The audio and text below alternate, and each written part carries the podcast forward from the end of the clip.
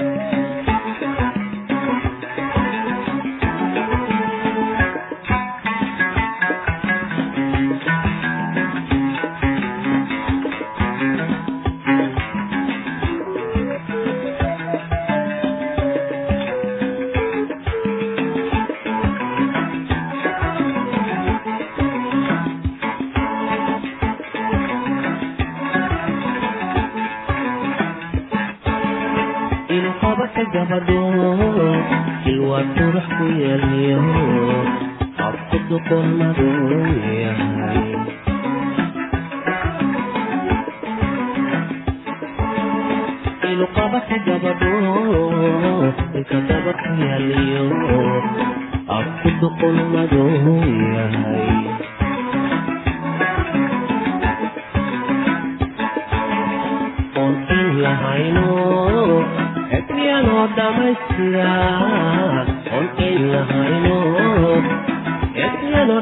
jiraan astaanti soomaalidu idinkood ka muuqdaan laakaysawayo idlansow kumaanara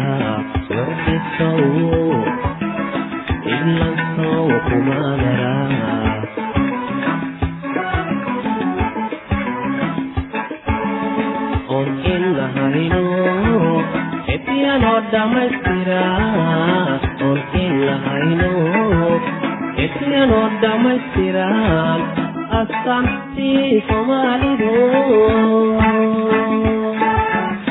idinwadkama wadaan laakaysa waayo socdiisa idlansaw kumaana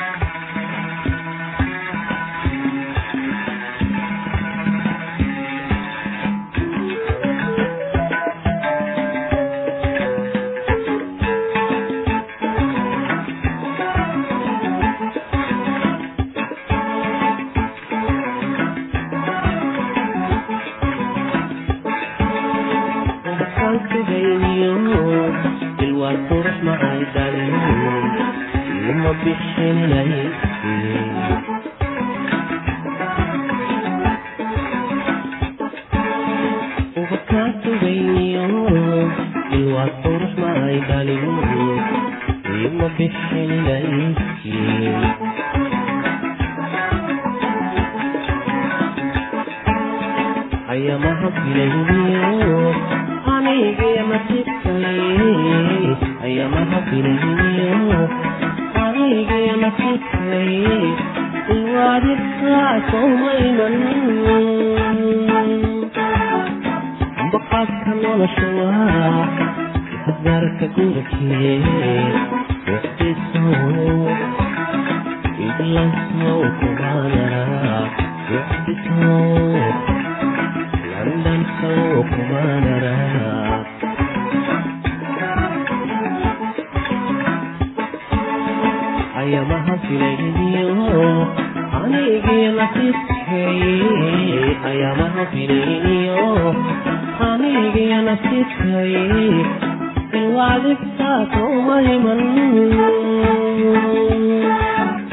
ambaqaadka nolosha isafaraka gurikeeiglasow kumanara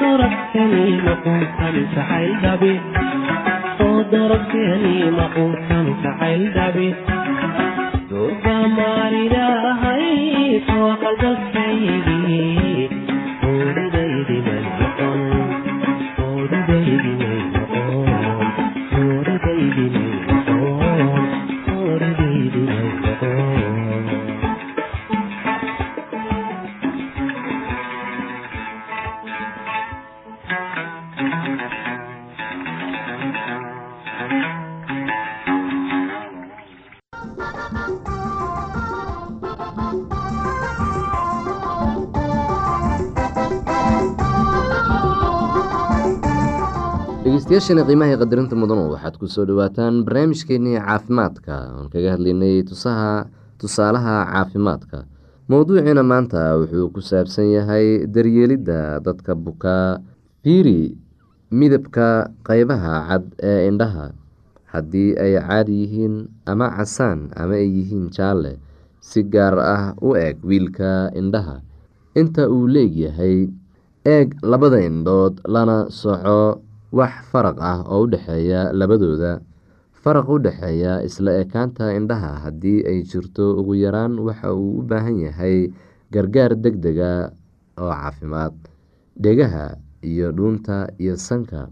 Dhegaha had iyo jeer hubi calaamadaha caabuqa iyo xanuunka dhegaha gaar ahaan carruurta qandhan ama hargabsan.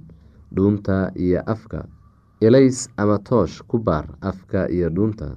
Sanka sanka ma qulqulaa mise waa carun yahay? Ogow ama garo hadba sida ugu sida ugu neefsan karo sanka. Maqaarka waa lama huraan in la baaro qofka jirkiisa oo dhan. Waxba ma dhibayso sida jirku u boko hadday iska sahlan tahay dhallaanka iyo carruurta waa in la qaawiyaa si gaar ah wax kasta oo kheyro caadi ah oo ay ka mid yihiin boogaha dhaawacyada ama jajabka. Waxaa jirka ka soo yaaca boogaha baraha iyo wixii aan calaamad caadi ah ahayn. Astaamaha caabuq cas kulul xanuun ama barar bararka qanjiro bararsan kuuskuus aan caadi ahayn. Tinta oo khafiifta ama buubta si aan caadi ahayn xiribta tinteeda oo buubta. Caloosha ama baacuuga. Calooshu haddii qof ay xanuuneyso ku dadaal inaad hesho meesha dhabta ah ee danqaneysa baro ama aqoonso in xanuunku joogto yahay ama mar yimaado marna tago sida calool majiirka muruqyada iyo dareemayaasha. Haddii muruqu tabar dareeyaan oo jirka oo dhan sameeyaan ka shaki qab nafaqa daro ama cudur raagay sida qaaxo hubi adkaanta ama dhuuqsanaanta murqo kala duwan. Sida loo daryeelo qofka buka jiradu waxay macluul ama tabardaro keentaa jirka si loo helo tamar ama caafimaad deg deg ah waxaa loo baahan yahay daryeel gaar ah. Daawooyinka had iyo jeer looma baahna laakiin daryeelka wacan ayaa muhiim ah. Qofka buka waa inuu helaa nasasho degan meel raaxo leh ilays iyo neecow fara badan waa in laga dhowraa kulaylka iyo qabowga xaddhaafka ah dareerayaasha ama sharaabka ugu dhowaan jiro kasta gaar ahaan marka ay jiraan qandho ama shuban qofka jiran waa inuu cabaa sharaab fara badan biyo shaah ama waxyaabo kala duwan. Nadaafadda qofka waa lagama maarmaan in had iyo jeer qofka bukaa uu nadiif yahay. Haddii uu qofku bukaa wax cuni karo si qofka bukaa waa inuu cabaa biyo fara badan uuna cunaa raashin jirka dhisa oo oo nafaqo leh. Cuntada tamarta keenta waxaa loo baahan yahay inuu qaato. Waxaa aada iyo aada loogu baahan yahay in qofka aada u jirini uu helo biyo ku filan. Haddii uu qaadan karo wax yar markiiba u sii in yar haddii laqiddu dhibayso u sii kakabasho shan daqiiqo ama toban daqiiqo markiiba. Cabir inta ay la-egyihiin biyaha uu bukaanku qaato maalin kasta. Qofka weyn wuxuu u baahan yahay laba litir ama in ka badan maalintiiba waana inuu kaadshaa saddex ilaa afar jeer maalintiiba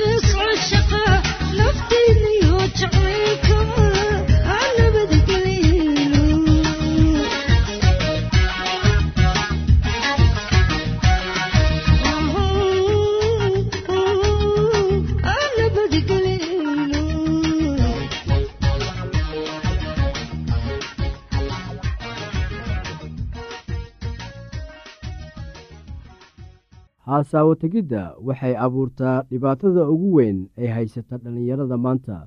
Inta badan waxa uu qofka dareemaa cabsi qalbi jab ama fikir aad ku saabsan dhanka nolosha ugu muhiimsan. Qaar xitaa waxa ay dareemaan dhicitaan waayo aragnimo ay kala kulmeen haasaawaha tegidda awgeed.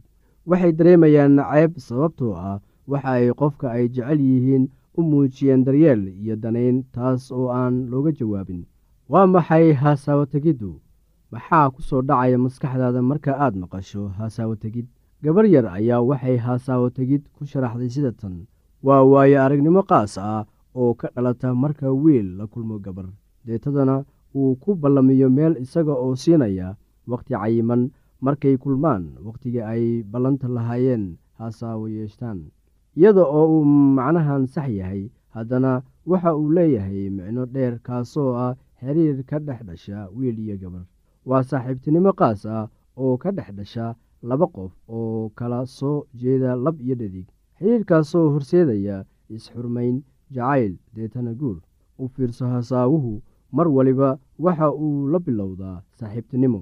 Runtii saaxiibtinimo qaas ah waxaa laga yaabaa inuu raaco jacayl iyo haasaaw uu jacayl ku jiro inta uu xiriirku korayo. Inkastoo labada qof ee isguursanaysa ay jecel yihiin in arrintan ay gadaal ka sameeyaan. Waxay noqonayaan laba isjecel. Intii aanay noqon laba saaxiib ah waxaa jira herar uu qofku ku odhan karo. Runtii haasaawahanu wuxuu kobcayaa ama horumarayaa haasaawuhu waa il biyo ah oo ka timid saaxiibtinimada u dhexaysa laba qof oo kala ah lab iyo dhadig. Sida qofku ugu fiican yahay inuu saaxiibtinimo wanaagsan samaysto ayaa sidoo kale waxa uu ku guulaysanayaa hasaawaha. Haddii aad doonaysid hasaawo xiriir hor u kac leh waxaa qasab kugu noqonaysaa inaad bilowdid barashada ah sidii xiriir saaxiibtinimo oo wanaagsan loo samaysto. Heerka labaad saaxiibtinimadii ayaa waxay isu beddelaysaa hasaawo yeelasho. Hasaawuhu waxa uu leeyahay saddex weji. Mid waa hasaawe caadi ah mid waa qaas midna waa joogto. Waa maxay hasaawaha caadiga ah? Waa noocee hasaawe ee aanay la socon dareen qaad ah. Waxaad hasaawahan u samaynaysaa wakhti isku dhaafin adiga oo gabar meel u wadaya sida cashogeen ama shaneemo. Tallaabadan muhiimka ah ee wanaagsan waxay labadiinaba fursad idiin siinaysaa in si dareen ku dhisan aad isu dhex gashaan oo aad fahamtid sida qofka kale uga jawaabo nolosha.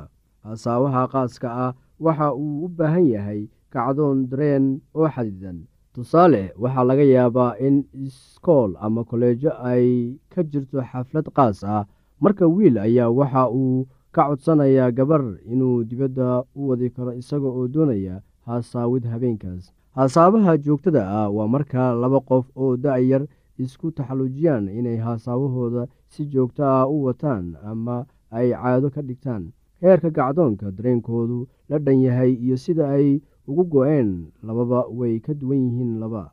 Qaar waxay xiriirka u isticmaalaan sida gaashaan in aanay u dareemin kelinimo. Heerka saddexaad ee hasaawuhu waa wakhtiga ay isu diyaarinayaan nikaaxa. Wakhtigan isaga ah waa wakhtiga u dhexeeya hasaawaha joogtada iyo wakhtiga nikaaxa. Labadii wada lahayd hasaawo joogto ah waxa ay u wada hadlayaan sidii iyaga oo leh xiriir joogto ah oo waxay u qorsheenayaan waxyaalo ku saabsan arooskooda. Weli arrintan shaaca kama aanay qaadin.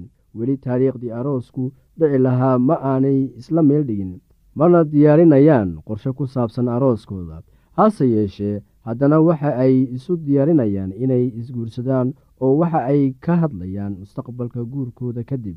Wakhtigan dhexdiisa labada isguursan rabto waxa ay eegaan oo tijaabiyaan dhaqankooda goolalkooda iyo qorshaha mustaqbalkooda. Kadibna waxaa imaanaya heerka afaraad kaasoo shaaca laga qaadayo nikaaxa iyo qorshaha ah inay isguursanayaan. Heerka shanaad ee ugu dambeeya waxa weeye isguursashadii. Horta inta aanan la isguursan waa inuu nikaaxa dhacaa u fiirso waxaan idhi guurka ka hor waa in heerka nikaaxa la soo maraa. Laakiin waxaa jira kuwo isnikaxsaday oo aan weli diyaar u ahayn inay isguursadaan. Inta badan waxaynu maqalnaa warar ku saabsan guur burburay laakiin waa dhif in la maqlo war ku saabsan nikaax burburay. Hase yeeshee waxaa wanaagsan inuu nikaaxiinu burburo intii aad isnikaxsan lahaydeen oo kadibna is-aroosi lahaydeen. Deetana arooskiinii burburi lahaa. Wakhtiga nikaaxa waxa uu u oggolaanayaa labada isguursanaysa inay ka wada xaajoodaan mustaqbalka oo ay qorsheeyaan wixii ay samayn lahaayeen sanadka ugu horreeya ee guurkooda. Haddii aad qabto wax su'aalaha fadlan inala soo xiriir. Ciwaankeenna waa radio somaly at yahu t com. Mar labaad ciwaankeenna waa radio somaly at yahu dt com. Barnaamijyadeena maanta waa naga intaas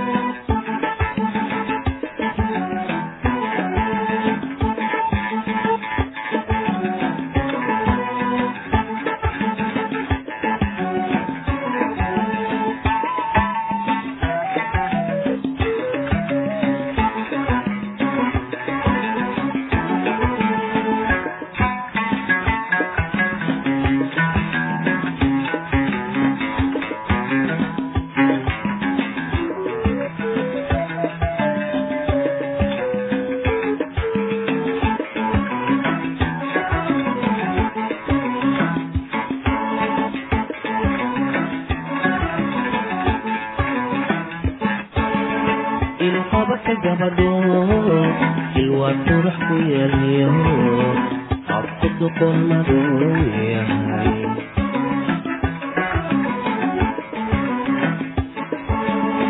ilqabaka gabadho ilka daba ku yeelyo qabku duqolmadu yahay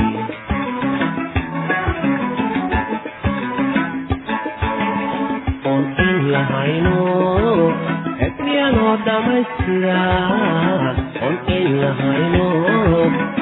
ebyanoo dhammaystiran astaantii soomaalidu idilkood ka muuqdaan laakaysa waayo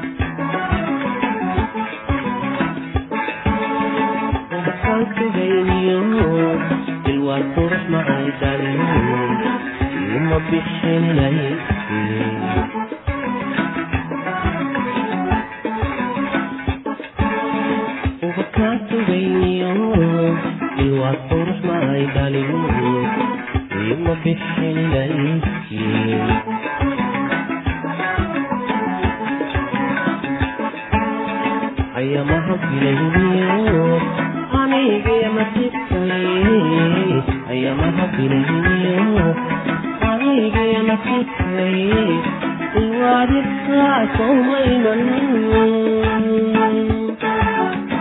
baqaadka nolosha waa isasgaarka gurkee wixdisow idlansow kumaanara wixdisow landansow kumaanara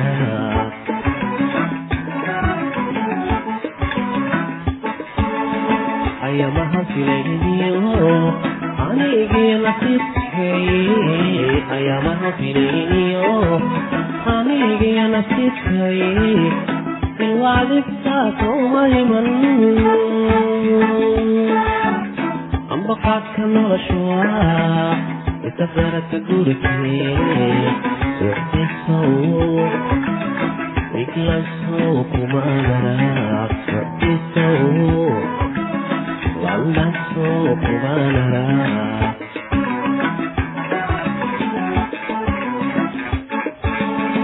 darabtani ma quntani saxayl dhabi soo darabtani ma quntani saxayl dhabi duuba maarilahay soo qalbal saydii